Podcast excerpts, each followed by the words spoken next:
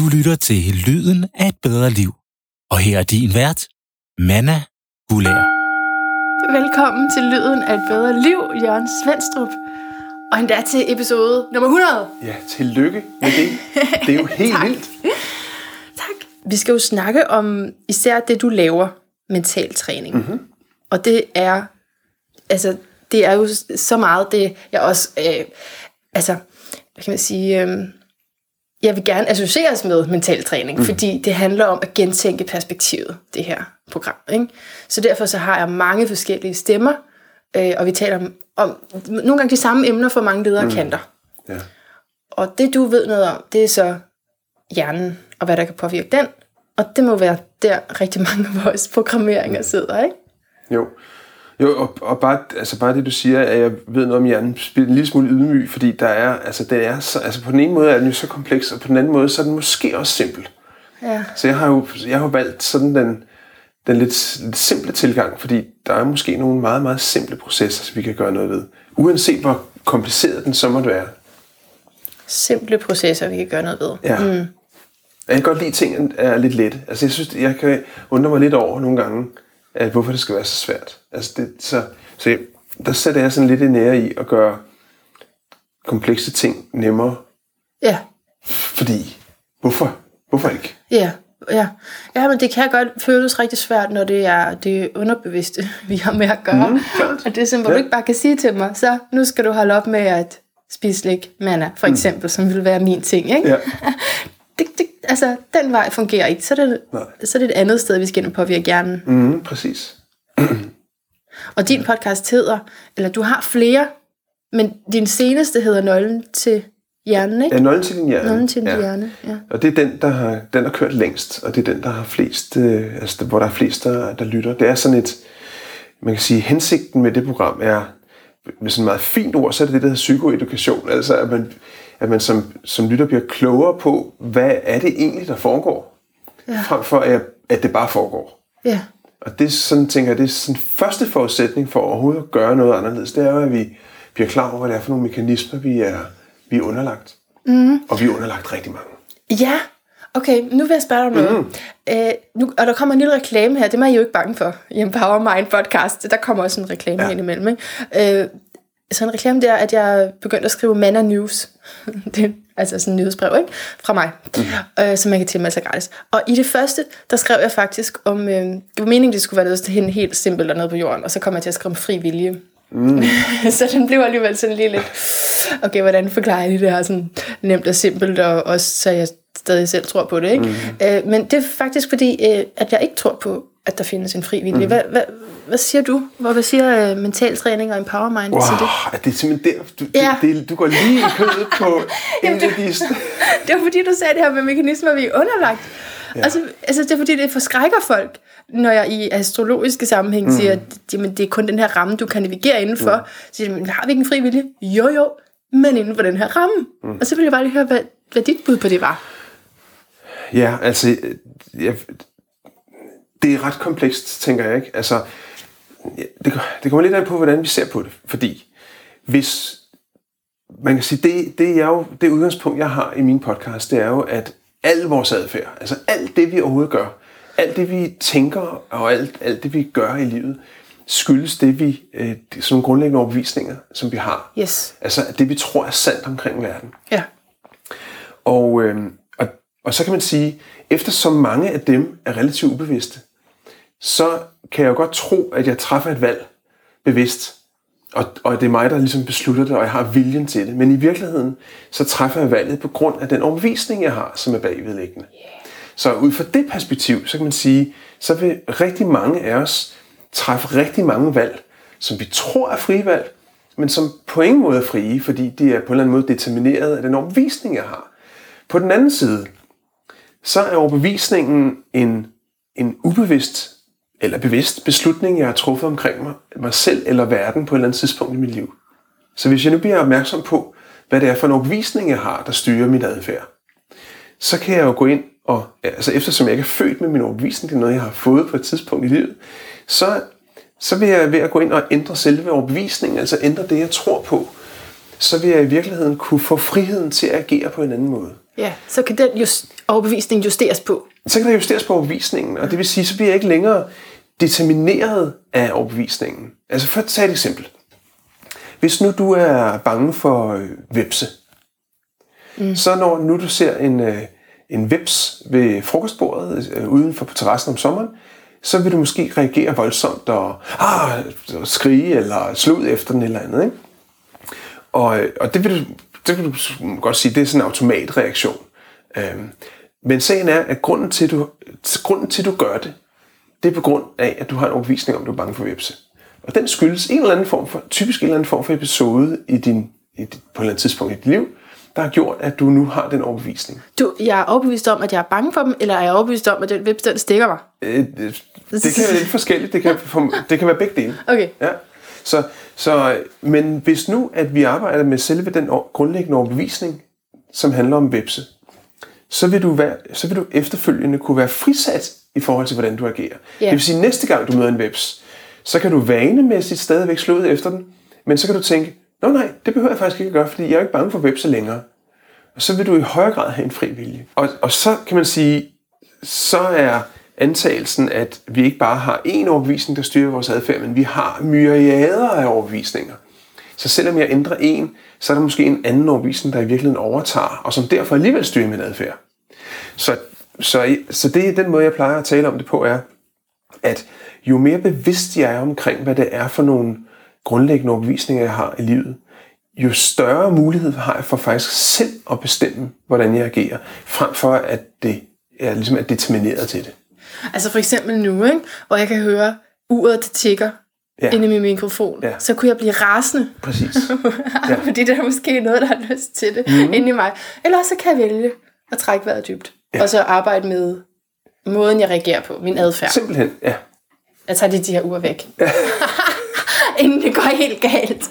Så dem lige herop, så de ikke går så tydeligt igennem. Mm-hmm. Det var meget bedre. Det var ja. meget bedre.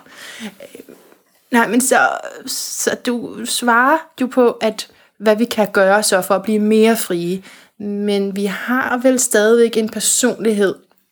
Du har en episode for ikke så længe siden, som hedder Eksisterer din personlighed, mm. hvor jeg faktisk ikke får et helt klart svar, mm. Jørgen, på, mm. om den gør det. Mm-hmm. Ja. det er en rigtig god episode i øvrigt. Mm. Mm, men altså, ser du det som om, at vi trods alt har en ramme, som måske hedder personlighed, som vi kan agere indenfor? Altså, altså, og hvor vi ligesom har forsider og, og ikke så gode sider. Mm-hmm. Altså, det er jo meget naturligt inden for psykologien at tale om, at øh, der er sådan nogle grundlæggende karaktertræk, for eksempel. Ikke? Og min erfaring er, at karaktertræk er som udgangspunkt er ikke medfødt. Det kan godt være, at vi har nogle genetiske disponeringer i forhold til nogle bestemte karaktertræk. Men når vi taler om, om karaktertræk og genetik, så er det til min, øh, så vidt jeg ved, uanset hvilket karaktertræk vi taler om, så har generne aldrig mere end 50% øh, ansvar for udslaget af et givet karaktertræk. Så jeg kan godt være prædisponeret rent genetisk til at være måske opfarende, for eksempel. Ja. Yeah. Øhm, eller, eller altså, øh, også til, om jeg er optimist eller pessimist, for eksempel. Ja. Der kan godt være sådan en prædisponeret genetisk, øh, hvad hedder det, øh, en prædisposition, som har øger sandsynligheden for, at jeg bliver optimist eller pessimist. Men eftersom det ikke er mere end 50% af, øh, kan man sige, af ansvaret for et givet karaktertræk, så betyder det jo, at miljøet, altså alt det, jeg har oplevet, mens jeg har levet, har over 50% sandsynlighed. Yeah. Så på den måde, så er, at, kan man sige, så læner jeg mig stærkt op af, at uanset hvilket karaktertræk vi måtte have, så kan det ændres igennem øh, miljømæssig, altså miljømæssig påvirkning. Ja, bortset fra de 50 procent, som vi har med os. Altså, fordi vi bestemmer jo ikke selv, hvilke forældre vi er født af. Nej. Og hvornår. Nej, men, hvilken kultur. Men adfærd er, altså, det, det, du har meget svært ved at finde et gen for rod. Altså for at være et rodehoved, ikke? det er miljø. Og, ja. Men stadigvæk så er der ja. nogen, der vil sige, at jeg er et rodehoved. Altså det er altid ja. eller jeg er klodset. Kan ja. det? Der er nogle mennesker, der er sindssygt klodset. Jo. De kan bare de går ind i et eller andet sted, prung, så vælter ting rundt omkring Og der er andre, der ikke er det. Så hvis vi taler om et klodset menneske, så vil de jo have en oplevelse af, altså det er min mor også klodset. Så det er, det er for hende, jeg har det. Ja. Så det ergo det er genetisk bestemt. Der findes simpelthen ikke et gen for klodsethed. Nej. Så det vil sige, at vi, vi kan godt tro, at Ja. det er genetisk overført, men i virkeligheden er det, er det miljøet, der, der, der, der styrer det. Med vel, skal vi lige, kan vi lige tage lidt mere om det? Altså, mm. kan man ikke godt... Jeg tror du ikke godt, rod på en eller anden måde kan være medfødt, fordi man kommer ud som en person med forser inden for noget helt andet mm. end en struktur og detaljer og praktisk arbejde. Det er jo så en anden, det er jo en anden måde, og, altså en anden tilgang at tro på, at vi kommer ud med Ja. øh, mere eller mindre struktur. Og, og der er, der kan man sige, den måde vi, øh, altså den erfaring, jeg har med mennesker, det er, at der er nogen, der er enormt struktureret, og nogen, der er fuldstændig us- ustruktureret. Det er, det er på grund af nogle bevidste eller ubevidste beslutninger, de har truffet omkring sig selv på et tidligt tidspunkt. For eksempel, hvis deres mor er kommet ind på værelset og sagt, ej, du roder. Se, nu roder du igen. Hold nu op, du er rodehoved. Det var da helt vildt, som du roder. Du roder altid. Hvor mange gange tror du, at du skal høre det, før du bliver til et rodehoved? Ej, er det, er det derfor? Jamen, hvor- hvordan skulle det ellers være? Det sagde min mor faktisk til mig. Det er interessant. Ja. Og så tror man det.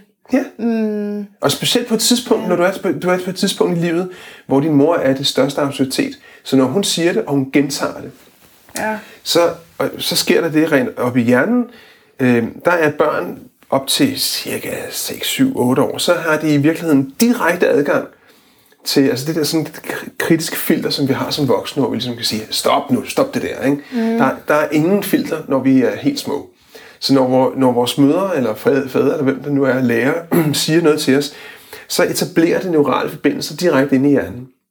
Så det vil sige, at i det her tilfælde, der, der, hvis det handler om dig, så kunne det være, at du har etableret nogle neurale forbindelser, der i virkeligheden har, hvor du fortæller dig selv, for på grund af det, din mor har sagt, jamen jeg er et rådhoved, og så får du det bekræftet sjovt nok.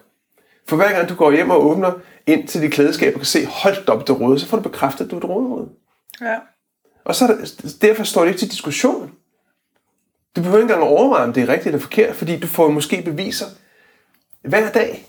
Kan man så efter 32 år, og det du lige skal vide, Jørgen, det er, at alt i den her podcast handler om mig. Nogle gange så bruger jeg mine venner og veninder også, Ja, men ja, det, ja. som regel handler det om mig. Ja, det er også det, der er mest interessant. Ja, ikke også? Jo.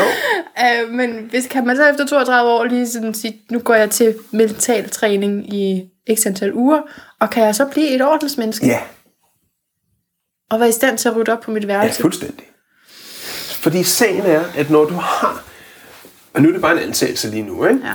når du har en, en overbevisning om, at du er et rådehoved, så vil den overbevisning styre din adfærd.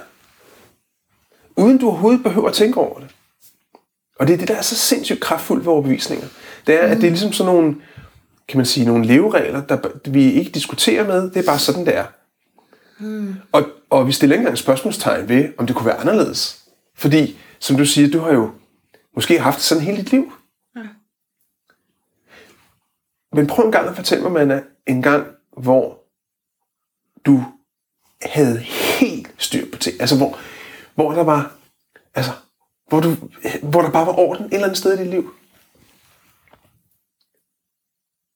Der er helt, der er helt blank. Ja, det ved jeg godt, fordi det bekræfter jo ikke det billede, du har af dig selv lige nu. Men hvis du lige tænker over det, Ja.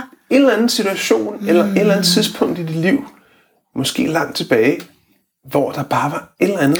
Men altså, der, der kan godt være styr på noget. Mm-hmm. Altså, jeg synes jo, jeg for eksempel har styr på podcasten med, hvornår skal jeg læse hvilken bog, eller sætte mig ind i hvilket emne Ja. forud for sig. Det har jeg styr på. Ja. Men at rydde op på et værelse, Ja, uden hjælp fra andre. det, det, altså, fordi det er det, sådan, det ender, Ja, ja, at jeg ja. får hjælp fra andre. Ikke? hvor er der orden? Altså på fysisk, Ja. Hvor er der faktisk? Eller hvor har der været på et eller andet tidspunkt? uden hjælp fra andre. Mm.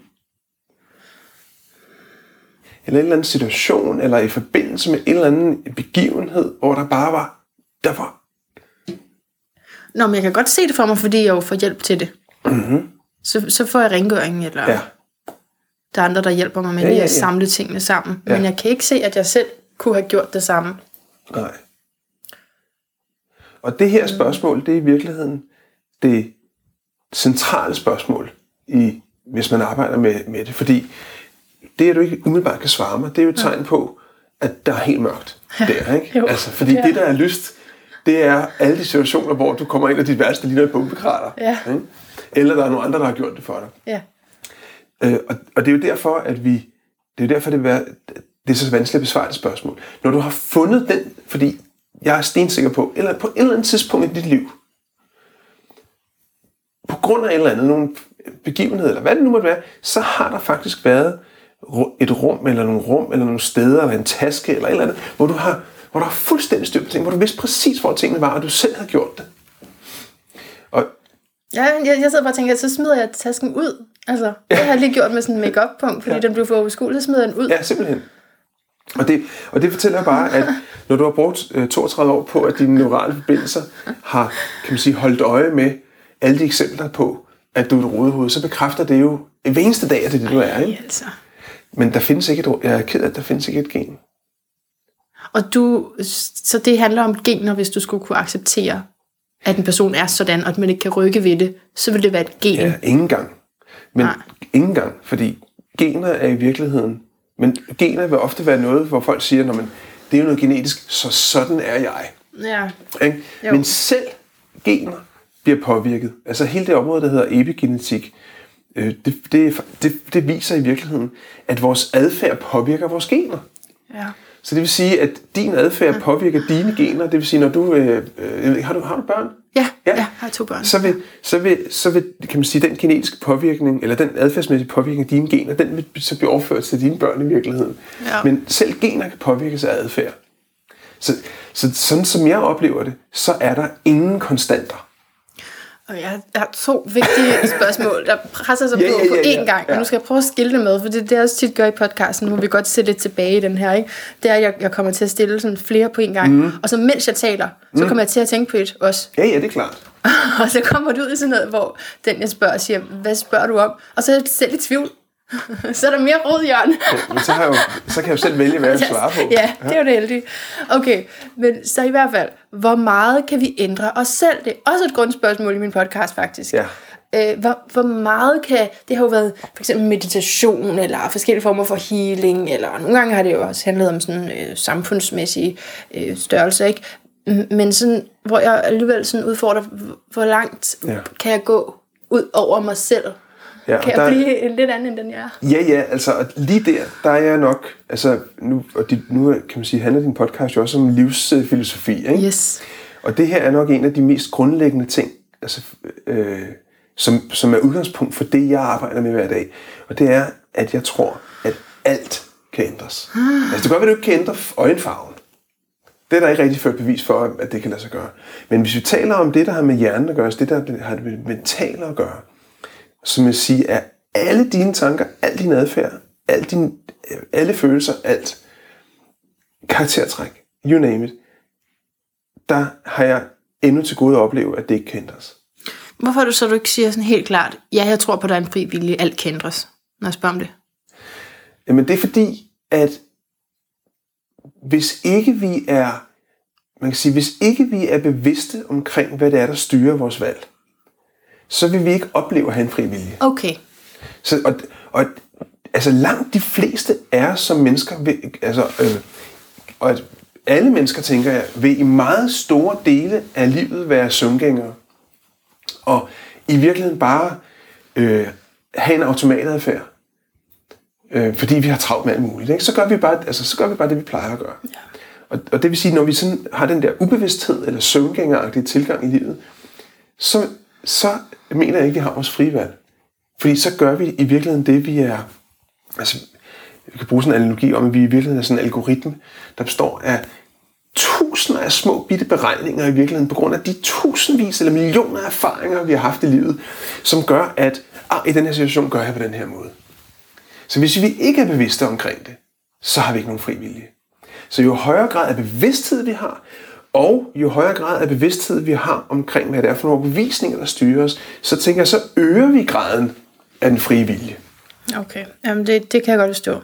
Men hvis man så virkelig tager det der på sig, ikke? Mm. Og, og det kommer jeg nogle gange til, så hvis jeg går rundt ned i supermarkedet, så kan jeg blive sådan helt, åh, oh, det er også bare vanemæssigt. Altså så ser jeg det sådan lidt oppefra, og så ja. føler jeg, ja. at jeg går rundt i det her Og det har faktisk nogle gange gjort, at jeg har taget sådan en akut rejse væk fra alting. Mm, altså ja, især den følelse, fordi åh, jeg kan ikke klare, at det bare er vaner det hele og automatik, men jeg skal jo have det med, og jeg kan ikke komme i tanker om andet mad, mm, ja, ja. end de der færdige, frosne øh, falafler. Mm. Ja. Det er det eneste, jeg kan tænke på. Og det er også det eneste, jeg har, jeg kan lide. Eller sådan, man bliver hurtigt spundet ind i sig selv og i hverdagen. Ikke? Jo. Så, så frustrationen over, at det er sådan, den er også hård at Ja. bære. Eller? Men det, vi, det tænker jeg, det er vi i virkeligheden også biologisk disponeret for. Her har vi en biologisk dispo- disponering. Okay. Fordi at det er nemmere, at du vælger de samme falafler, end at du vælger noget andet. Ja. Og det kan godt være, at du, at du er træt af det og øh, bliver frustreret over det og alt muligt andet, men rent øh, hjerne, energimæssigt, så den dag, du tog din første falafler i køledisken, der blev der lavet, lavet en neural forbindelse i din hjerne, som er koblet til falafler. Mm. Så det vil sige, at næste gang du går ned i køledisken, så vil det være nemmere for dig at vælge falaflerne, end at vælge noget andet. Fordi forbindelsen er etableret. Altså hjernen skal bruge mindre energi på det. Simpelthen. Ja. Og, og det er vi disponeret til at bruge så lidt energi som overhovedet muligt. Altså det, det, der, og det deler, det deler vi med møber og mos. At vi skal at bruge så lidt energi som overhovedet muligt, det er det mest kosteffektive. ja. Det er sådan en ren overlevelse. Ja. Men har vi en fri vilje, hvis jeg ikke kan komme i tanker om andet? Og hvis jeg ikke selv kan styre min tanke? Åh oh, nej, det mener du så, man kan, eller hvad? Ja, og altså hvis man skal, altså sagen er, hvis vi følger, altså hvis vi følger, hvis vi har en antagelse om, at vores overvisninger styrer vores adfærd, og jeg, selvom jeg har forarbejdet med en overbevisning, så ligger der en anden en bagved, ikke? Så, og der kan man sige, stopper det nogensinde? Så ud fra, ud fra den betragtning, så kan vi jo spørge os selv, om vi nogensinde bliver så oplyste eller bevidste, at vi kan tale om en fuldstændig fri vilje. Og det er jeg enig med dig i, at det er et spørgsmål, om vi kan det. Ja. Men jeg tænker to ting. For det første, at vi kan, vi kan øge graden af oplevelse af fri vilje. Og så synes jeg også noget andet, som faktisk måske er endnu vigtigere, det er, at jeg tror faktisk, at det er mere hensigtsmæssigt for os at tro på, at vi har en fri vilje. Ah, okay. Ja, fordi, ja, godt nok. Fordi du går jo også op i, at vi tror på det, som gør, at vi får det bedste liv, vel? Ja, simpelthen. Ja. Og eftersom at overbevisning er også tro, Ja. altså så tænker jeg, så tænker jeg, hvad vil du, hvad vil du helst tro er sandt? Ja. altså hvad, hvad vil egentlig, hvad vil, hvad vil give mest, hvad vil gøre dit liv mest meningsfyldt? ja. Er det at tro, at du har en fri vilje, eller at tro, at du ikke har den? Altså jeg siger jo så bare, at jamen, så, det, som vi så trods alt kan rykke rundt på, det må vi så mestre, og vi må mestre det, som vi så er i. Ikke? Øh, men at, fordi på en måde det er også en lettelse. Jeg kan ikke blive hvem som helst anden. Jeg er den, jeg er. Mm-hmm. Hvis, altså, hvis vi godtager mm-hmm. det, at jeg ikke Ja, ja. har en fri vilje, mm-hmm. så Ja. er jeg ligesom kommet ud af de, under de her betingelser. Det, jeg så kan gøre, det er at fremme mine kvaliteter, og altså, sætte dem i så, så smukt et lys som overhovedet muligt. Altså hele vejen igennem. Ikke? Øhm, blive så god til det, som jeg kan blive Ja. Og så ikke have skyld over resten. Yes, og der synes jeg, du siger noget rigtig, rigtig vigtigt. Ikke? Fordi ved muligheden for at ændre tingene, der følger jo et ansvar. Mm. Og, og med ansvaret følger der jo også potentielt set skyld. Altså, hvis nu jeg kunne vælge at være glad, og det så ikke lykkedes for mig, så er det fordi, jeg ikke er god nok. Så det, og det er, jo, det er jo så min skyld. Og det vil sige, at i virkeligheden kan det gøre, at jeg får det dårligere. Ja. Ikke? Så et af de væsentligste argumenter, tænker jeg, imod min position, handler om, at med ansvaret, så følger potentielt set skylden. Hvor din position, som du taler ud fra lige nu med det her med, at jamen, jeg har alligevel ikke en fri vilje, så jeg kan lige så godt få det bedste ud af det, jeg har. Ja. Der, ligger en, en, øh, der kan ligge en lettet, øh, altså en, en, en lettere ansvarsfrihed. Men vil du sige, der er nogen, der taler om, at vi er grænseløse, altså limitless, det lyder lidt bedre på engelsk. Altså grænseløse, det kan så kommer man også til at tænke på, okay, du kan slet ikke sætte grænser, men limitless mm. på den måde, at vi sådan kan opnå hvad som helst. Vil du sige det? Jeg synes bare, at historien har vist, at vi er det. Din, his- din historie? Nej, jeg tænker menneskets historie, Menneskets at der, altså, Ja, fordi min har ikke vist det. jo, ja. ja, men det er spørgsmålet om, hvad det er for en overbevisning, der gør, at mm. den ikke har, har været det indtil videre. Okay, ja. Okay, men så, så lad... Fordi hvis nu jeg, hvis jeg følger, øh, kan man sige, den, den antagelse, du bygger på her, ikke? så kan man sige, at jeg kan alligevel ikke, jeg har ikke en fri vilje, så jeg må gøre med det, jeg har, og forbedre det lidt. Meget. Man kan Eller det meget, meget. Ja, ja. forbedre det meget. Ja.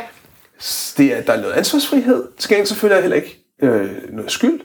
Øh, men jeg tror faktisk helt grundlæggende på, at det er bedre at have et valg, end ikke at have det. Ja. Altså det tror jeg sådan helt grundlæggende på.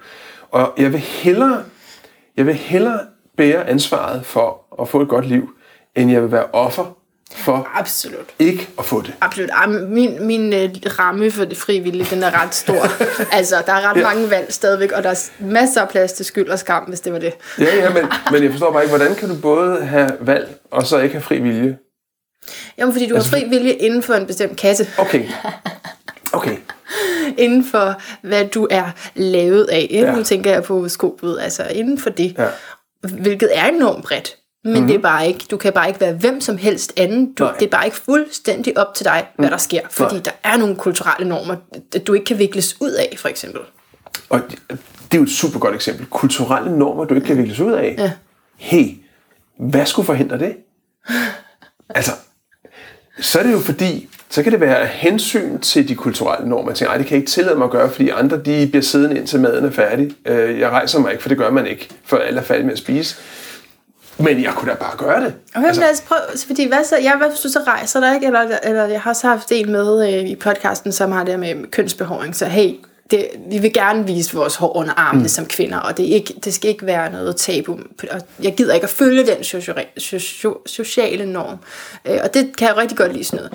Men det er jo stadigvæk et svar på normen, så man kan jo ikke træde fuldstændig ud. Jeg gør det Nej. jo i I protest. protest. Imod, ja, ja, og det er et fedt eksempel på ja. mangel på fri vilje. Altså enten kan jeg, det, det synes jeg er en, en god pointe, ikke? enten så kan jeg følge normen, så har jeg ikke fri vilje. Eller også kan jeg gøre det modsatte, så Ja. har jeg heller ikke fri vilje. Nej. Nej. du er ret betinget. Ja, ja. Jamen, det er det. Det er rigtigt.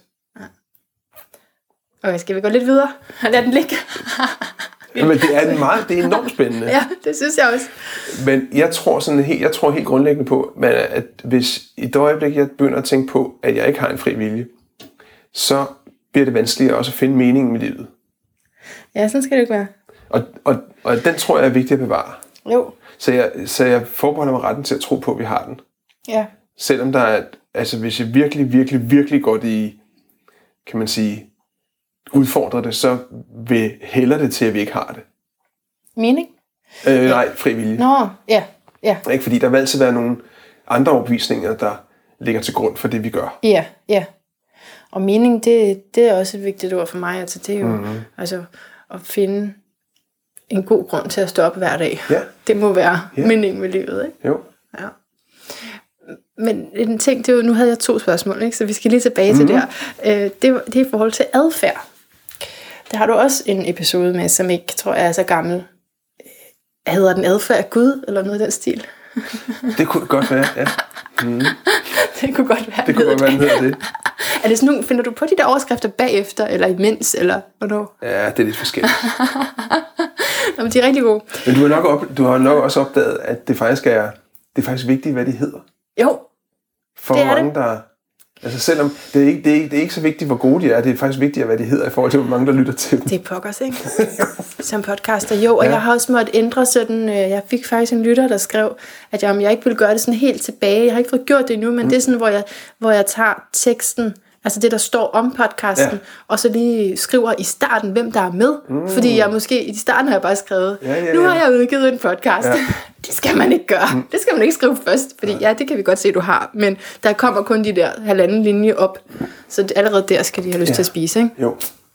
Men altså, de skal jo bare vide, Til at... gengæld er du super god til at skrive noget om dine podcasts. Og synes du det? Ja, ja, det er der, godt. det er jo, altså, du skriver jo pænt meget, som faktisk kan få et godt indtryk af, hvad det egentlig er, det Ja, handler om. det, det er jeg sådan begyndt på også ja. At citere.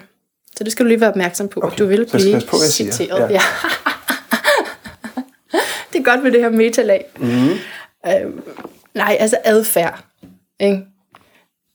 Jeg har bare tænkt sådan, at det er meget godt, jeg ikke er mine handlinger. Og kunne godt være lidt bange for, at i mm. mental træning, der siger I faktisk, mm. øhm, hvis du er i tvivl om, du er, så se på dine handlinger, eller noget i det stil. Mm. Er, er det korrekt, at I gør det? Det, det jeg nok har sagt, er, at hvis jeg er i tvivl om, hvad jeg tror på, og dermed sagt, hvis jeg er i tvivl om, hvad det er for nogle opvisninger, jeg har omkring livet, verden og mig selv og andre, så se på handlingerne. Fordi gennem handlingerne kan vi se, hvad det egentlig er for nogle opvisninger. Altså, for eksempel, hvis du kommer ind i et rum, og kommer til at vælte den ene glas efter den anden, og falde over stolbenet og sådan noget. Så igennem den adfærd, så vil jeg kunne gætte på, jeg kan jo ikke vide det, men jeg vil gætte på, at du har en overbevisning om, at du er en klodsmajor. Mm. Øh, hvis du for eksempel, øh, øh, hvis du for eksempel øh, bliver lynhurtigt far op i det røde felt, når du taler med din mor i telefonen, så kan jeg have en antagelse om, at du har en overbevisning om, at, eller en overfølsomhed over for at blive i rette sat, for eksempel. Så det kalder på, det, altså man sige, nogle, er en overbevisning medfører en adfærd. Mm. Jeg kan ikke vide det, jeg kan ikke vide, det står ikke skrevet, hvad overbevisningen er, men hvis vi begynder så at se et menneske over længere tid, og begynder at kunne se adfærden over længere tid, så begynder også at tegne sig et ret klart billede af, hvad det er, det menneske egentlig har for nogle grundlæggende overbevisninger omkring verden. Så det er det, det, er det vi kan, det er den, den måde, vi kan afkode overbevisningerne på. Fordi, og jeg er også meget optaget af mindfulness, ikke? I mindfulness, så vil man sige det der med, at man kan godt blive altså tricket af nogle gamle mønstre, mm-hmm. selvom man har gjort op med dem. Mm-hmm. Men så, hvis ja. man ser bestemte personer, ja. for eksempel ens mor ja. i telefonen, ja. eller til en mm-hmm. familiemiddag eller noget, så, så er det som om, at de her mennesker formår at få en gjort til den samme, som man var engang. Ja. Altså, ja. det som kalder på noget i en. Ja, altså, jo mere bevidst man bliver om det, jo mere kan man så ligesom slippe det. Ja, fordi den automatreaktionen, den er, den er læret ret dybt i Den er læret altså inde i kryptohjernen. Ikke? Den er, det svarer lidt til allergi, altså, eller fobi. Så det er en kraftig reaktion, som typisk er meget kraftigere, end den egentlig burde, øh, behøver at være. Ikke? Den kan vi øh, som udgangspunkt ikke helt afgørende gøre noget ved. Men det vi kan gøre, det er, at vi kan, vi kan finde ud af, hvor længden skal vare. Så jeg kan, nå at, jeg kan lære at nå at fange den. Ja. Måske efter 3 sekunder, måske efter et halvt sekund. Altså, så jeg mærker den aller, aller først, aller, i stedet for inden det kommer ud af munden, hvis jeg mærker spændingen i maven, ja. så kan jeg allerede der fange den. Ja, præcis. Men, men selve impulsen, min hjerne modtager, den, den vil have en effekt. Den kan jeg ikke ændre. Men jeg kan nå at fange reaktionen på den. Ja. Med, gennem bevidsthed. Ja. Og det er det, mindfulness blandt andet gør, ikke? Jo. Det er, at man øger bevidstheden. Jo, nemlig. Men så, så vi, men adfærd og handlinger, er det det samme? Mm, ja, det er, ja, for okay. mig er det ja. Okay, godt ja. nok. Bare så vi taler ja, om ja, det samme. Ja. Mm. mm, det er bare fordi, ting, som jeg har gjort i mit liv, ja. har jeg måske i dag lyst til at tage afstand fra. Mm. Men så er jeg nødt til at se på de ting, jeg har gjort, for at forstå, hvem jeg er. Mm-hmm. Vil du sige det? Jeg vil sige, at ved at se, ved at se det, du har gjort, så vil du forstå, hvilke overvisninger du havde dengang. Okay. Ja.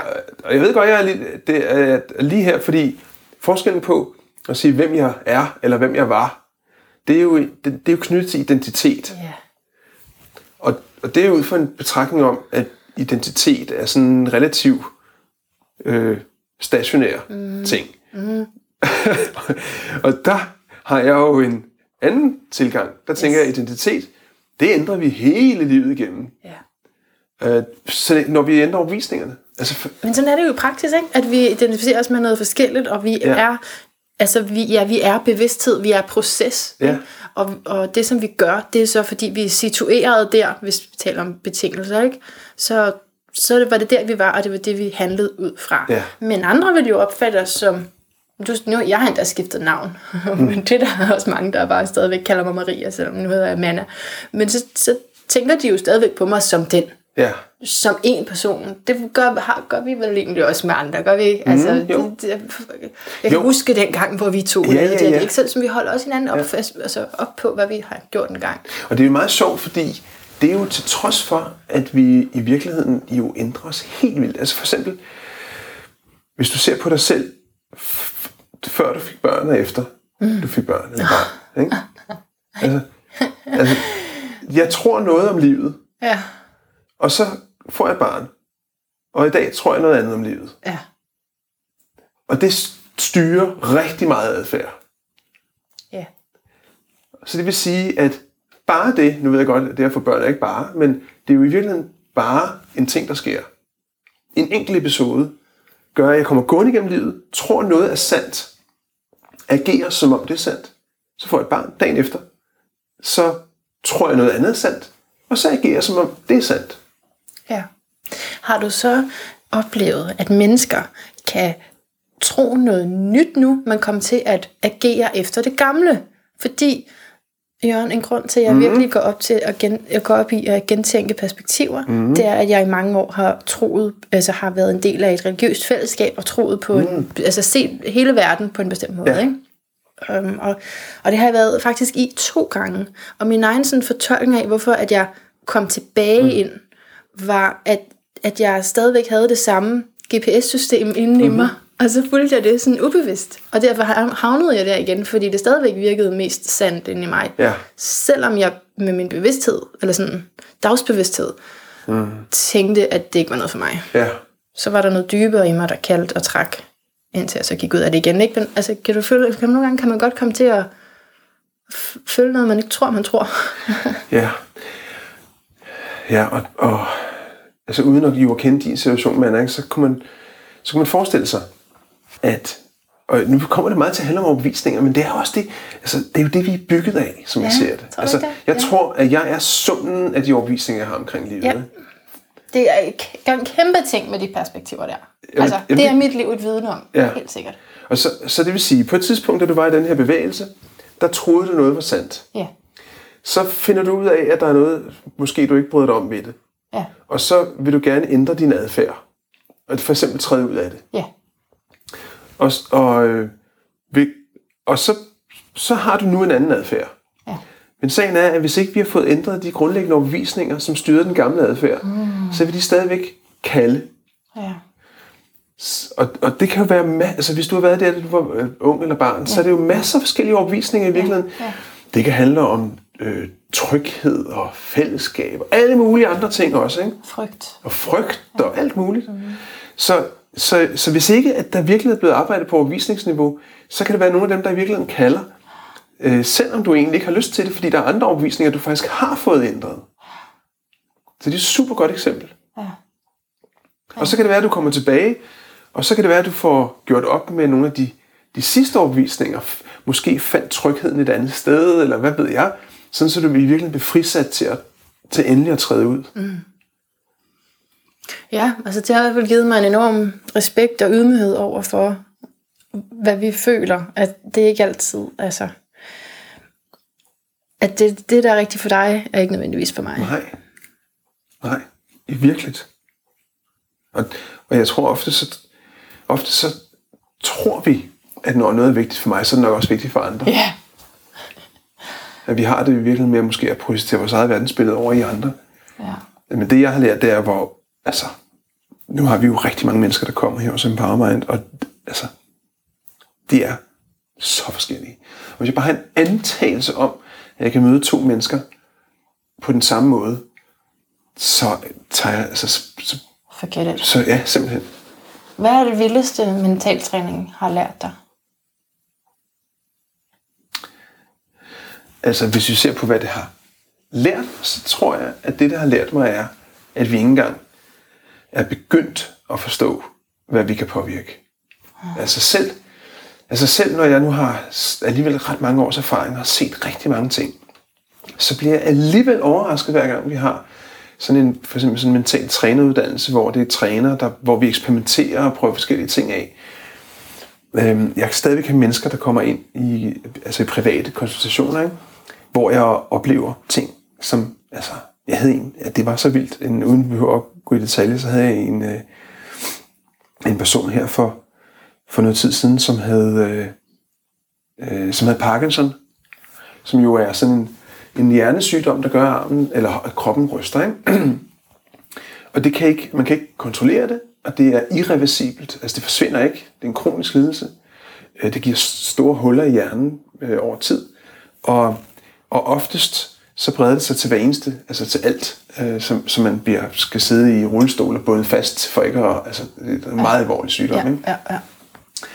Og der oplevede jeg i den samtale, den første samtale, jeg havde med hende, at på grund af nogle af de ting, vi arbejdede med, så pludselig så holder hun op med at ryste.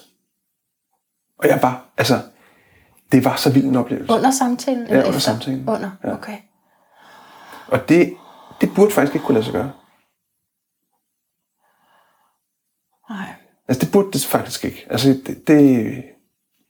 Og efterfølgende nu har, har jeg øh, mødt hende igen, og, og der er flere og flere, det har hun så også selv oplevet, altså der begynder at være flere og flere situationer, hvor at der ikke er rystelser. Jamen, det er så vildt. Jamen det er så vildt. Ja. Og det, er jo, det her det er jo det, der hedder anekdotisk evidens. Ikke? Der er overhovedet ikke belæg for at antage noget som helst. og når jeg siger det vildt, så er det også, fordi jeg har prøvet på egen krop, hvor Ja. vildt det har været at have en overbevisning, som har kunne, altså, Ja. når den blev taget fra mig, så Ja. var alt anderledes. Jamen det er det, det er. Ja. Og vi ved, altså, og jeg mener, selvom jeg arbejder med det i så mange år, så bliver jeg stadigvæk virkelig, virkelig, virkelig overrasket nogle gange. Og det er så, altså, så derfor så er min vigtigste læring er, at vi endnu ikke ved, hvad vi kan. Altså vi ved det simpelthen. Er du så radikal åben? For det har nogle Jeg er radikalt åben. Ja, det, har også nogle, ja, det er i hvert fald sådan, jeg har, har beskrevet mig selv. Sådan, jeg Ja. slet ikke, og så alligevel så kan man jo ikke undgå at have præferencer. Mm. Og nu har jeg så begyndt på det her astrologi, som jeg også kan mærke, men jeg, skal også, jeg, jeg gider ikke at være sådan, om nu er det bare min nye religion mm. eller noget. Det er bare noget, som jeg synes virker mm. for mig og dem, jeg arbejder med. Ja. Mm, Altså, kan, kan du ikke nogle gange blive bange for at blive bundet af en overbevisning, eller et standpunkt, et synspunkt? Jo, og, og jeg tænker, at det sker også. Altså, ja. at det er jo, øh, det er jo virkelig, øh, man kan sige ud fra det der energibesparelsesprojekt, vi mm. talte om, ikke? Mm. så er det jo virkelig kompliceret, hvis intet er sandt.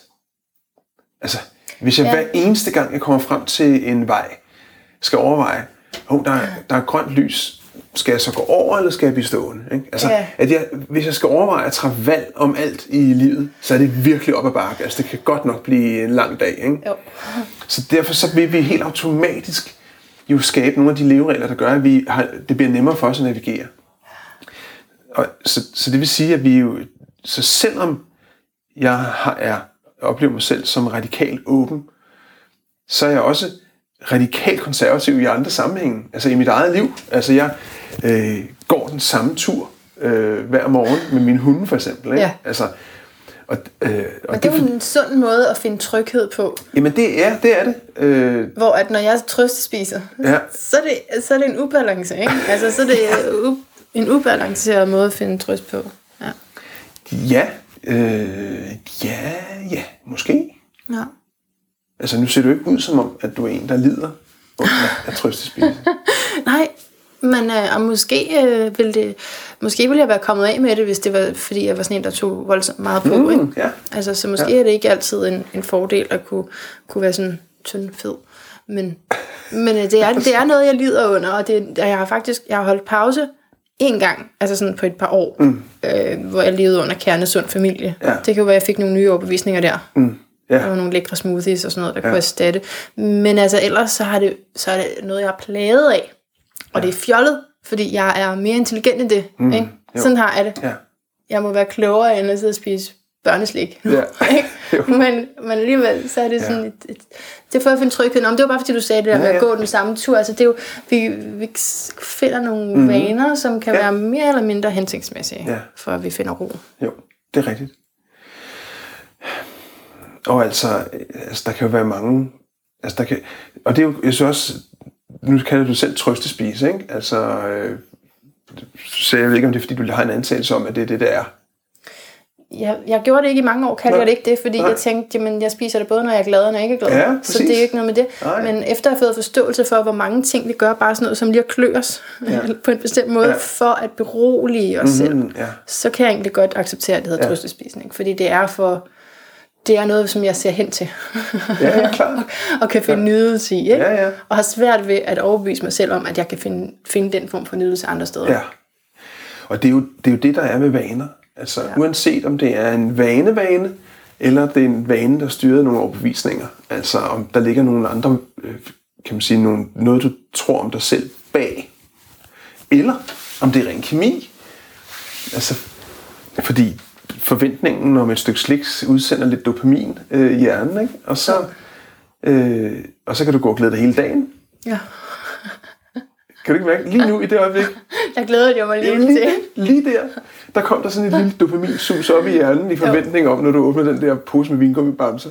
Ja, det er også, ja, fordi energi, jeg ved jo også, så nu kan jeg lige sidde ved computeren Ja. lidt længere tid. Men man kan sige, hvis du vil ændre det, så er det klart muligt. Ja. Men det kræver, at du vil ændre det Gør det det? Fordi ja. det, vil, det vil hele mig ikke. Nej. Præcis. Så kan man ikke eller hvad? Jo, hvis du finder ud af, hvad det er. Altså, vi- der, er jo, der er jo sekundære gevinster ved det, vi har gang i. Ikke? Selvom vi har gang i de mest uhensigtsmæssige ting, så får vi alligevel noget ud af det. Så, så der ligger sådan en lille undersøgelse for at finde ud af, hvad er det egentlig, hvad ligger der sekundære gevinster? Ja, Hvordan kan jeg også få de sekundære Ja. ja. gevinster? Det skal. Øh, og sådan noget, ikke? Der ligger, forskellige, sted. der ligger nogle forskellige, udfor, altså nogle forskellige ud, små udforskninger, hvor det handler om at finde nøglerne. Og når ligesom du har fundet nøglerne, øh, få samlet nøglerne, så, øh, så er det muligt at skabe en etablere en, en, øh, en ny vane. Det kan være, at der er nogle overbevisninger, der skal ændres. Det er også muligt at gøre det.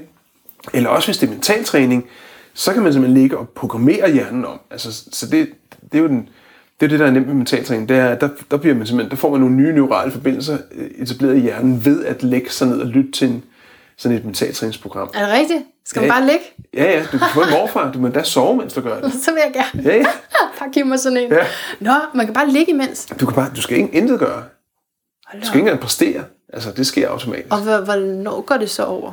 Jamen, så er det noget, så, det, så typisk så vil det være, øh, så vil der gå en, for nogen vil der gå nogle dage, for nogen vil der gå nogle uger, for nogen vil der måske gå en måned eller lidt længere tid, men det, men det vil blive, det vil blive, altså der vil, effekten vil komme gradvist.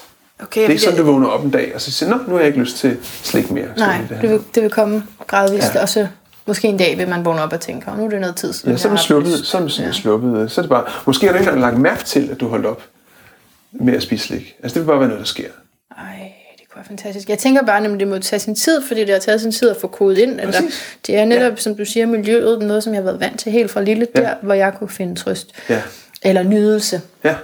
Frihed. Ja, Faktisk fri- også, Ja. ja. Og det er super relevant, øh, man kan sige, hvis det er forbundet til frihed eller ja. tryghed og sådan nogle ting, ikke? Ja, det er så er det jo, det er en basalt. super vigtig sekundær gevinst. Mm. Altså super vigtig. Ja. Og, ja. og så kan en anden måde at arbejde med det på, kan være at finde ud af, okay, hvor, hvornår i livet føler du ellers frihed? Jamen, så så jeg har jo alt muligt andet. Ja. Det er jo trods alt ikke længere i hvert fald hele Nej, mit liv, nej. som det måske var i perioder, da jeg var barn. Ikke? ja. Så har jeg jo alt muligt andet. Ja. Så det er også derfor, det, det er så skørt, at det bare sådan bliver ved. Ja, men så, så noget af det er typisk nogle overbevisninger, der styrer, ja. og noget af det er simpelthen vane, fordi at neural, neuronerne de bare er koblet super stærkt lige ja. der. Ikke? Ja. Også hvis man, fordi nu, og lytterne, der har hørt de sådan ikke så gamle episoder her i, det, i slut 18, øh, så ved de også, at jeg har flyttet meget rundt og haft noget, mm. så, altså så bliver det stærkere, kan Ja. jeg mærke de der Og det er heldigt, tryghedsting. for det fortæller jo, hvad det er, det handler om. Ja. Apropos, at vi talte om det der med, at vores adfærd øh, synliggør vores overbevisninger. Ja, Så når du nu kan sige, det er jeg jo ikke så glad for, men ja. jamen det er da heldigt, for det betyder, at det kan ændres. Ja, Så når du fortæller, at når du flytter rundt, mm. og åbenbart øh, mangler noget tryghed, eller hvad det nu ja, måtte være, ja, så spiser du mere slik. ja. Og hvor heldig kan man være? Det fortæller jo bare i virkeligheden, hvad det er, det handler om. Så er du fri for at undersøge det mere. Og, og, okay. Tænk nu, hvis det, ikke, tænk, hvis det var konstant, Ja, så kunne, det jo ikke, så kunne en antagelse være, "Jamen, så kan det jo ikke ændres. Det, og det ved jeg, det kan. Men nu, når det er, ja. når det er mere nogle gange end andre gange, Ja, så ved du faktisk, hvad det er, der skal til for at ændre det. ja. Ultimativ tryghed. ja. Og, men kan det ske igennem, at man ligger ned og får et mentalt træningsprogram? Ja, det kan det. Og den følelse af tryghed? Ja. Okay. Nu, nu har vi, vi har jo sådan, vi har jo en 50 forskellige programmer til 50 forskellige sådan generiske ting, ikke? Vi har ikke et tryghedsprogram, for eksempel. Så det vil typisk være noget, man lavede i, altså hvor man, hvor man tager en, øh, en samtale og laver et, et program, der så er personligt tilrettet lige akkurat den. Skal vi ikke lave sådan et, Jørgen? Tryghedsprogram. Det kan vi godt, hvis du gerne vil. folk trygge. Hvis du gerne vil, hvad hedder det? Det vil vi gerne være med til at udvikle. Ja, Kan være forsøgskanin. ja. Men det er et af de hæftige, vil jeg sige, hvis man så tager den. Ja, ja, og, nu, og netop også, når du taler om, uden i øvrigt at kende din historie, når du taler om, om dit religiøse fællesskab og sådan mm. nogle ting, ikke? som jo også ofte kan handle om tryghed. Mm. Ikke? Så, I når, den grad. så når det så ikke er der, hvad er det så, der kommer i stedet for? Ja. Og sådan noget. Ikke? Altså, så det er jo mm. det er super spændende. Ja. Ja. Det skal vi ikke snakke om nu. det tager vi en anden dag. Det tager vi den dag. Ja. Jeg tænkte på sådan her til sidst, har, har jeg været, er jeg så heldig, at du måske har lyttet til Lyden af et bedre liv? Ja, jeg har, jeg har hørt nogle af dine øh, podcasts. Ej, hvor godt.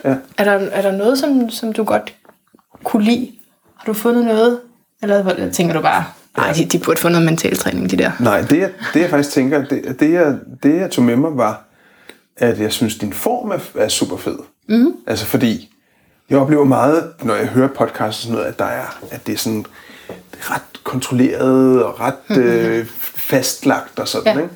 Og det der med, at du i virkeligheden bare tør kaste dig ud og bare være ja. i det, du er i, det synes jeg er en enorm fed kvalitet. Og det synes jeg også er spændende, under det vi har talt om, Anna, ikke? fordi det fortæller jo i virkeligheden, at du har evnen til at føle dig tryg i det, du bare er i. Altså, at du ikke behøver nogen faste rammer, eller være super velforberedt. Ja, eller... det er måske der, hvor vi kan se det, det rodede anlæg Ja. ja. som en force. Ja, præcis. At jeg kan egentlig godt navigere i det. Ja. Jeg kan godt være i det. Du kan faktisk godt navigere i det. Ja. ja, jeg kan godt lide, hvad der opstår.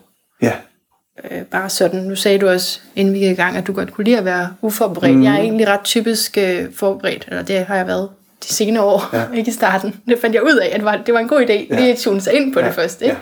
så man ikke bare sidder og siger, øh, når jeg har et problem med slik, skal vi snakke om det? Altså, det er slet ikke så vedkommende for lytteren mm. nødvendigvis. Mm. Så, så det, det kommer jo, hvis det er relevant, så kommer det jo op. Det jeg lige måtte være i selv. Ja. nu og her. Ja. Men ellers egentlig også sætte mig ret meget ind i, hvad det er, du står for. ja. Ikke? Jo, og det er også tydeligt. Ja.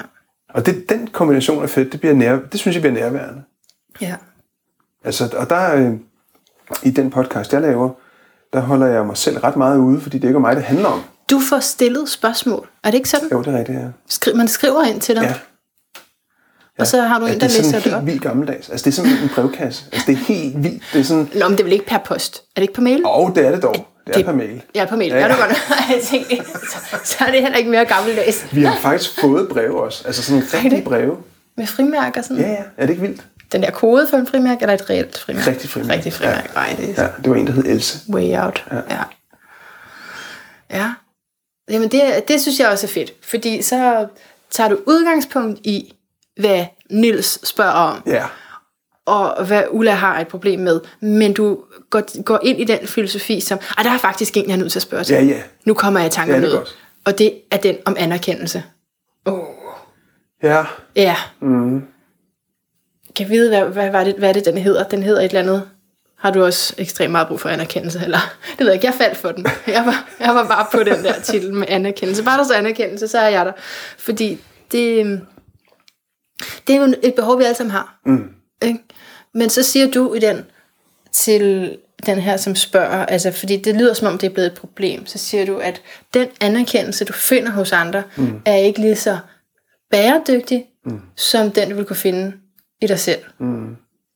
Ja, og det er også, det, og det, det, jeg tænker, det handler ikke kun om bæredygtighed, det handler også om magt. Altså, det er meget magt at give andre for ens egen trivsel. Altså, hvis jeg er afhængig af andres anerkendelse for, at jeg har det godt, så giver jeg virkelig en rigtig, rigtig meget magt til andre mennesker.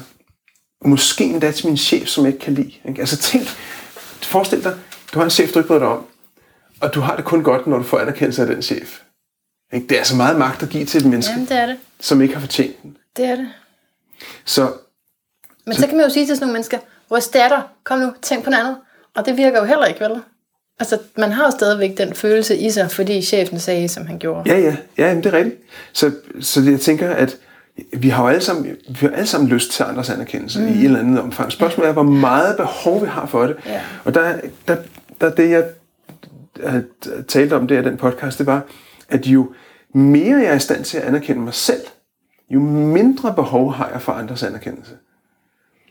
Så hvis jeg ja. ikke er i stand til at anerkende mig selv, måske fordi mit, øh, selvværd ikke er fantastisk, eller jeg har et uklart selvbillede, eller, så vil jeg have meget stort behov for ydre anerkendelse.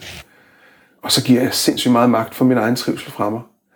Så der tænker jeg, at en god investering kunne være at investere i at, at, at arbejde med ens eget selvbillede, fordi i, hvis jeg virkelig er i stand til at række hænderne op over hovedet og sige, ja mand, der var jeg bare super god, og, og tro på det, så, øh, så reducerer jeg andres magt over min trivsel.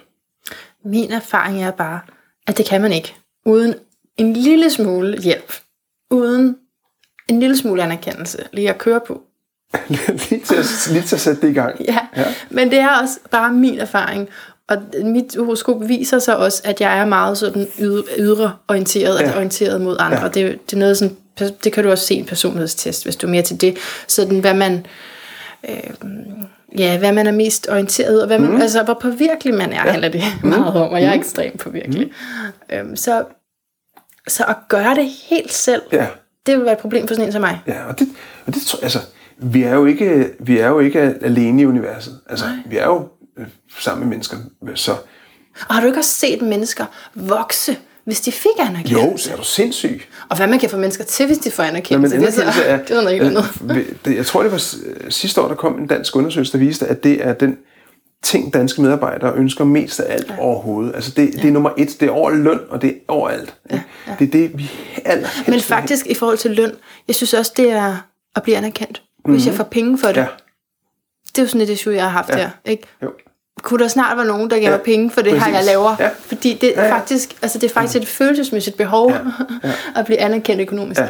Altså, fordi så er det noget værd, ja. det du laver. Ja. ja. Det kan jeg sagtens forstå. Så, så der, er ikke, der er ikke noget galt i andre mennesker. Altså det er da fantastisk, at andre mennesker anerkender. Jeg tænker bare, at hvis jeg er afhængig af det, fordi jeg ja. ikke er i stand til at anerkende mig selv, når jeg gør noget godt, men hvor meget den sætning behøver jeg at tage med? Altså, hvis jeg er afhængig af det, punktum. Er det så et problem? Eller er det kun, øh, hvis jeg ikke er i stand til selv også at gøre noget godt for mig selv? Jeg tænker, at hvis du, hvis du ikke er i stand til at anerkende dig selv, når du gør noget godt, ja, så, så vil du problem. udelukkende være afhængig af andres anerkendelse. Det synes jeg giver andre mennesker meget magt. Ja. Så du skal rende rundt med antennerne ude og gøre alt muligt og håbe på, at de anerkender dig, ja. så kan du altså godt få travlt. Ja, nej, det er et frygteligt liv. Det er sådan, nej, det er klart. Men jeg må godt være bare afhængig af dem, uden... altså, altså nu, nu sagde du til mig før, at, øh, at frihed var vigtig for dig. Ja. Og jeg, jeg oplever frihed som det modsatte af afhængighed. Ja, men det, det er jo så der, vi vender tilbage mm-hmm. til mhm. fri vilje, at jeg kan godt mærke, at jeg ikke er så fri. Altså, egentlig. Mm-hmm. Jeg ja. virkelig tænker efter, ja. er jeg ikke fri. Nej. Fordi jeg har også brug for din anerkendelse. Ja. Jeg, kan ikke, jeg kan ikke eksistere som menneske. Jeg kan trække vejret dårligere. Ja. Hvis, hvis, altså, selvfølgelig kan man blive overafhængig af den andens blik og så videre, men det betyder noget. Ja. Det betyder noget, hvordan du ser på mig. Uanset om vi kender hinanden eller ikke, ja. så betyder dit blik på mig noget. Ja. Men det synes jeg bare er et godt eksempel, man er på, netop som du siger, at hvis frihed er vigtig for dig, og det, der i virkeligheden står i vejen for din oplevelse af frihed, det er afhængighed af andres anerkendelse. Så du kan kun føle dig fri, når andre øh, anerkender dig. Så er der faktisk, så kan man sige, så er der en god ting, altså andres anerkendelse, som i virkeligheden måske får lov til at være så vigtigt for dig, at det står i vejen for din frihedsoplevelse, hvis ikke du får det. Ja. Tænk, hvis du kunne føle dig fri, uden at blive anerkendt. Overhovedet?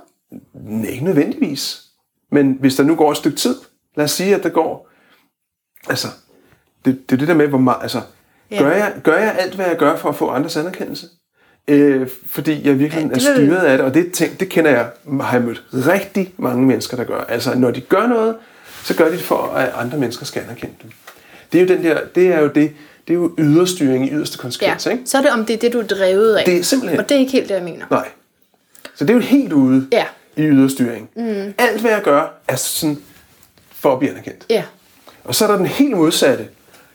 Alt gør jeg for mig selv. Jeg gør intet for at blive anerkendt, fordi jeg, er, jeg synes, jeg er verdens øh, universets centrum. Ja. Det er heller ikke nødvendigvis super fedt. Men balancen jeg vil helt klart ønske, at jeg kunne være mere sådan. Ja. Øh, fordi der er nemlig dem, som, som formår det der med at hvile så meget sig ja. selv. Og det er også typisk dem, der så bliver anerkendt. er det ikke interessant? så jeg kan vide, om de var det uden den. Det ved, altså... Ja. Er det ikke interessant? Åh, oh, det er det. At jo mere anerkendelse vi vil have, jo mm. mindre får vi. Ja, det sagde du nemlig også i den episode. Ah. Ja, ja, det, ah, gjorde jeg det? Ej, sagde det, det var ja, klogt. Det var klogt. Det var nemlig, hvor jeg sådan lige tænkte, ja, ja jo mere, men det synes jeg, der er forbandet. Altså, Men det er fordi... At jo mere man vil have det, jo mindre Ja. får man det. Fordi det har jeg også tænkt meget om med, med desperation, øh, som er en følelse, jeg kender rigtig, rigtig mm. meget, det der med at være desperat efter noget. Og den er jo i familie med passion. Mm. Altså, at jeg er villig til at lide mm. for Ja. ja. det her, jeg, jeg så gerne vil opnå. Ikke? Ja. Men så kan man bare godt komme til at tjekke ind i den der desper- desperation. Ja. Men er den altid negativ? Det har jeg nemlig ikke lyst til, den skal være. Nå, er det en drivkraft? Men det kan det jo godt være mm. nogle gange, ja. ja. Det gør jo også, at man bliver ekstremt produktiv. Ja, absolut. Og det er jo det der, det er jo det der med at sjældent lave ting. Ting er jo sjældent enten gode eller dårlige. Ja. Altså, hvis vi for eksempel tager selvværdet, øh, som vi talte om før, ikke? hvis nogle af de mennesker, der har opnået mest i verden, er formodentlig mennesker med lavt selvværd, fordi de har, de har gået til yderligheder for at bevise, at de er værdifulde. Skal overkompensere? Simpelthen. Ja, ja. Så, så det, og det er jo da, det er da en god side af det, kan man sige. Det kan godt være, at de har slidt sig selv ihjel i forsøget, ikke? men ja. altså, de har jo ændret noget og gjort noget. Så bag ved nogle af de der kæmpe, kæmpe store opfindelser og kæmpe store øh, begivenheder, så tænker jeg, at der, der er formodentlig en lille mand øh, med et lavt selvværd inde bagved. Ja, og, og det at have behov for anerkendelse tjener jo også et vist formål. Altså, Ja, at du ikke splitter hele verden ad, Jamen, fordi du har brug for os. præcis. Og, der, og i virkeligheden så er det den der balance der, ikke? Ja. hvor jeg synes, anerkendelse er fedt, mm. men jeg er også i stand til at anerkende mig selv. Ja. Så jeg er ikke afhængig af det. Jeg kan faktisk føle mig fri, selvom at jeg gør noget for min skyld. Det behøver ikke være for andres skyld. Men øh, ja, nu er vi, snart, vi er snart færdige, men det var bare lige sådan i forhold til det der med at være fri, ikke? Så, så er der jo den brik, der hedder økonomi. Ja, Og der er du jo ikke fri. Du er nødt til at gøre noget, gå ind på nogle andres præmisser i hvert fald, og spille spillet efter nogle bestemte regler, ja. for at kunne være med i det her Ja, fællesskab, det hvor vi tjener penge. super interessant, fordi det er jo meget sjovt, at vi, og det er jeg med, helt med på, at vi jo i vores del af verden kobler penge og frihed, altså økonomisk frihed, ikke? giver frihed. Jeg tror, hvis vi tog til en eller anden stamme i en eller anden Amazonas, hvor de overhovedet ingen penge har whatsoever, så tænker jeg, at vi faktisk kunne møde nogen, som føler sig virkelig, virkelig fri. Altså, Er det ikke forskelligt, hvad man føler sig fri? Altså, jeg føler mig fri, hvis der er... Jeg skal til at sige, hvis der er nogen, der anerkender mig. Mm. Nej, men hvis, hvis jeg bruger det, jeg kan, og andre får rigtig meget ud af det, ja. og, at jeg kan, og at jeg også kan se, at de får meget ud af det. Ja. Men du kan måske føle frihed ved noget andet. Jamen det tror jeg altså, absolut. ja. Så, så, så man kan sige, men det er bare en interessant antagelse, at Ja. penge og frihed hænger ja. sammen. Ja. For det betyder jo, okay, jeg har ikke særlig mange penge, ergo kan jeg ikke føle mig fri. Hvem har egentlig bestemt, at de to ting hænger sammen? Jamen. Tænk, hvis det er muligt, at jeg kan føle mig fri. Ej, det må du godt, det må du godt lige gøre. Kan du ikke lige gøre det ved mig og lytterne? Hvordan kan vi komme til at tænke, at vi er frie, selvom vi ikke har råd til, til det mad, vi gerne vil have? Jamen det, det tænker jeg i virkeligheden er, at det ikke, at det ikke er virkeligheden, der... Altså vi, har, vi kan ændre virkeligheden, ikke? Ja. Øhm, vi kan tjene flere penge, for eksempel. Så ændrer vi, så påvirker vi virkeligheden. Eller også så kan jeg ændre oplevelsen i virkeligheden.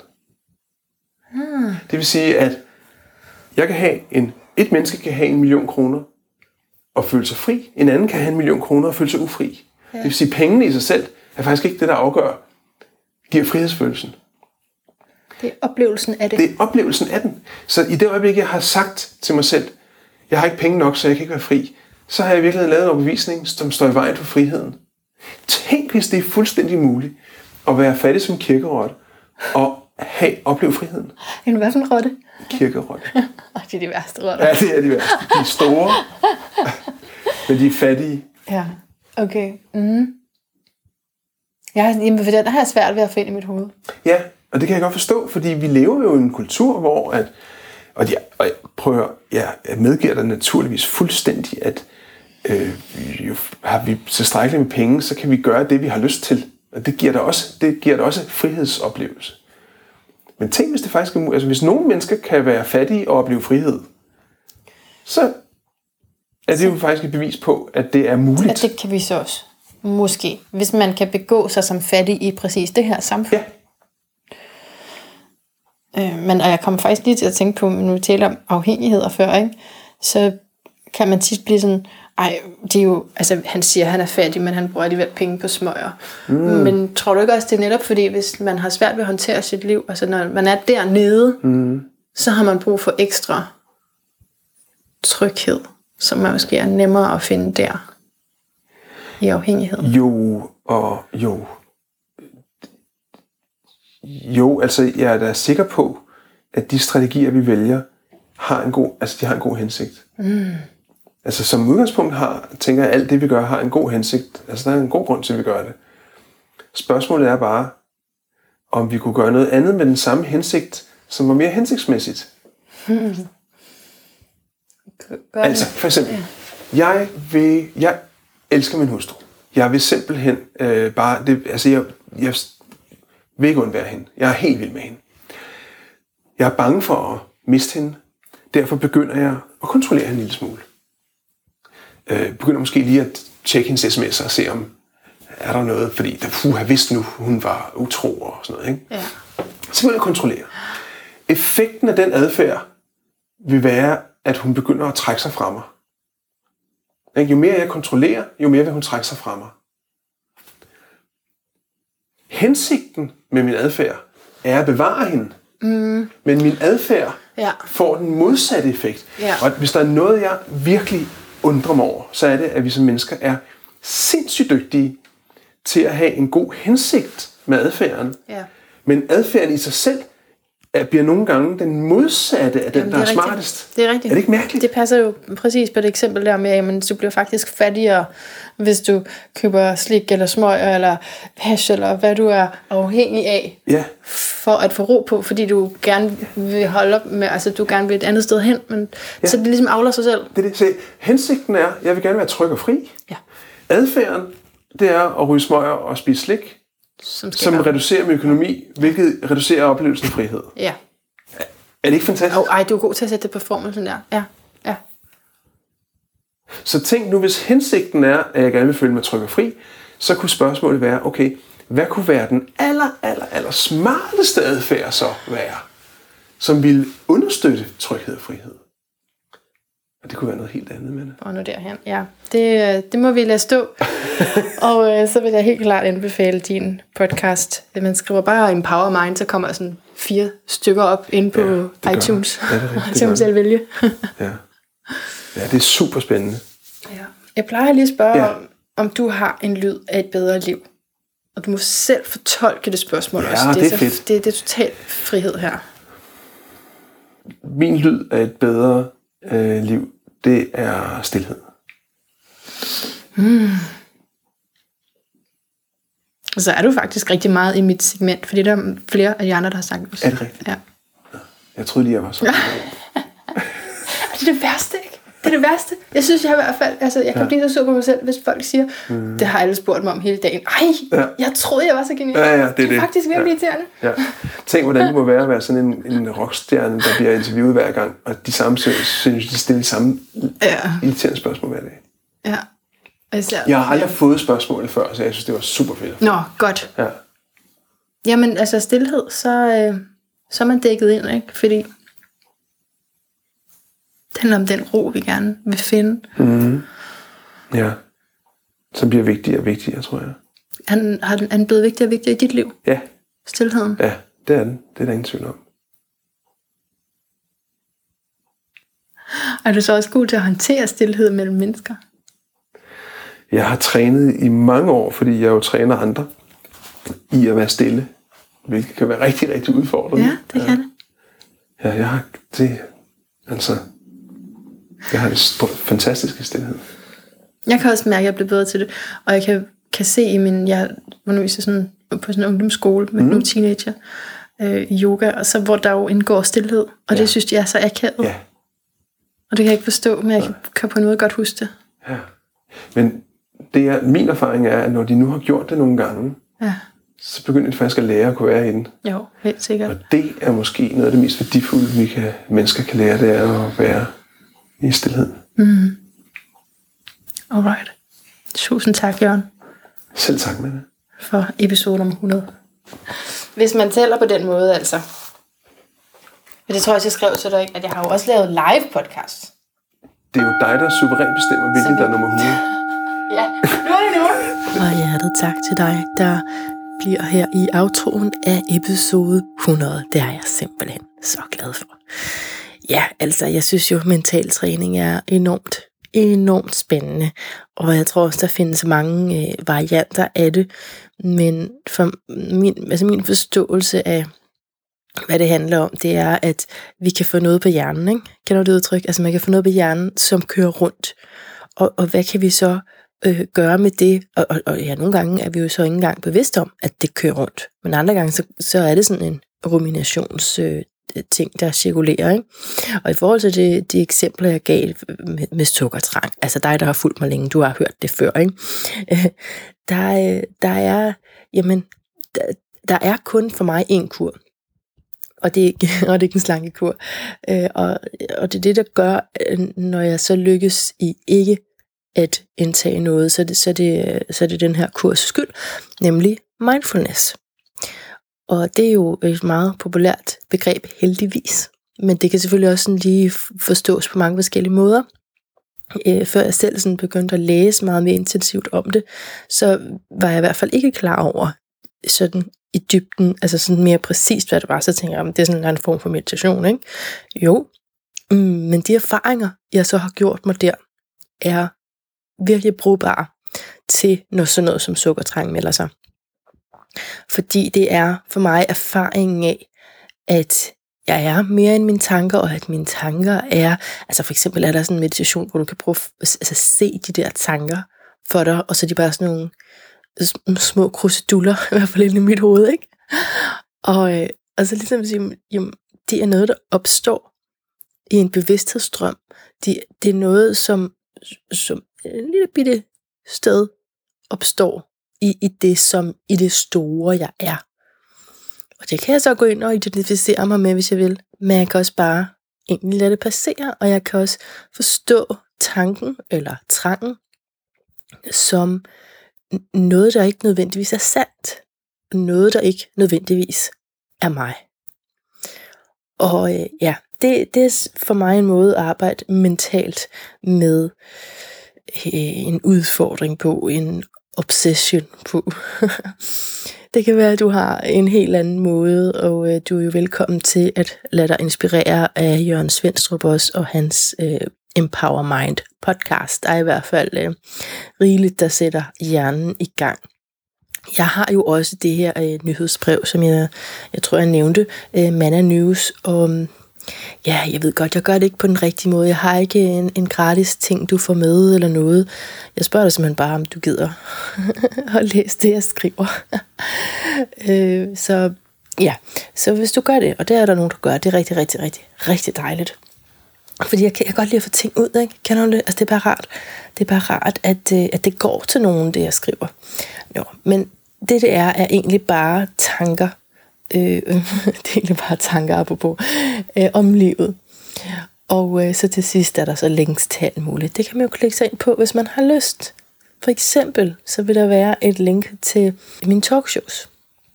Og hvis du lytter med her helt aktuelt, så øh, er den næste den 17. januar med Kim Gertz, hvor det så også er en bogudgivelse.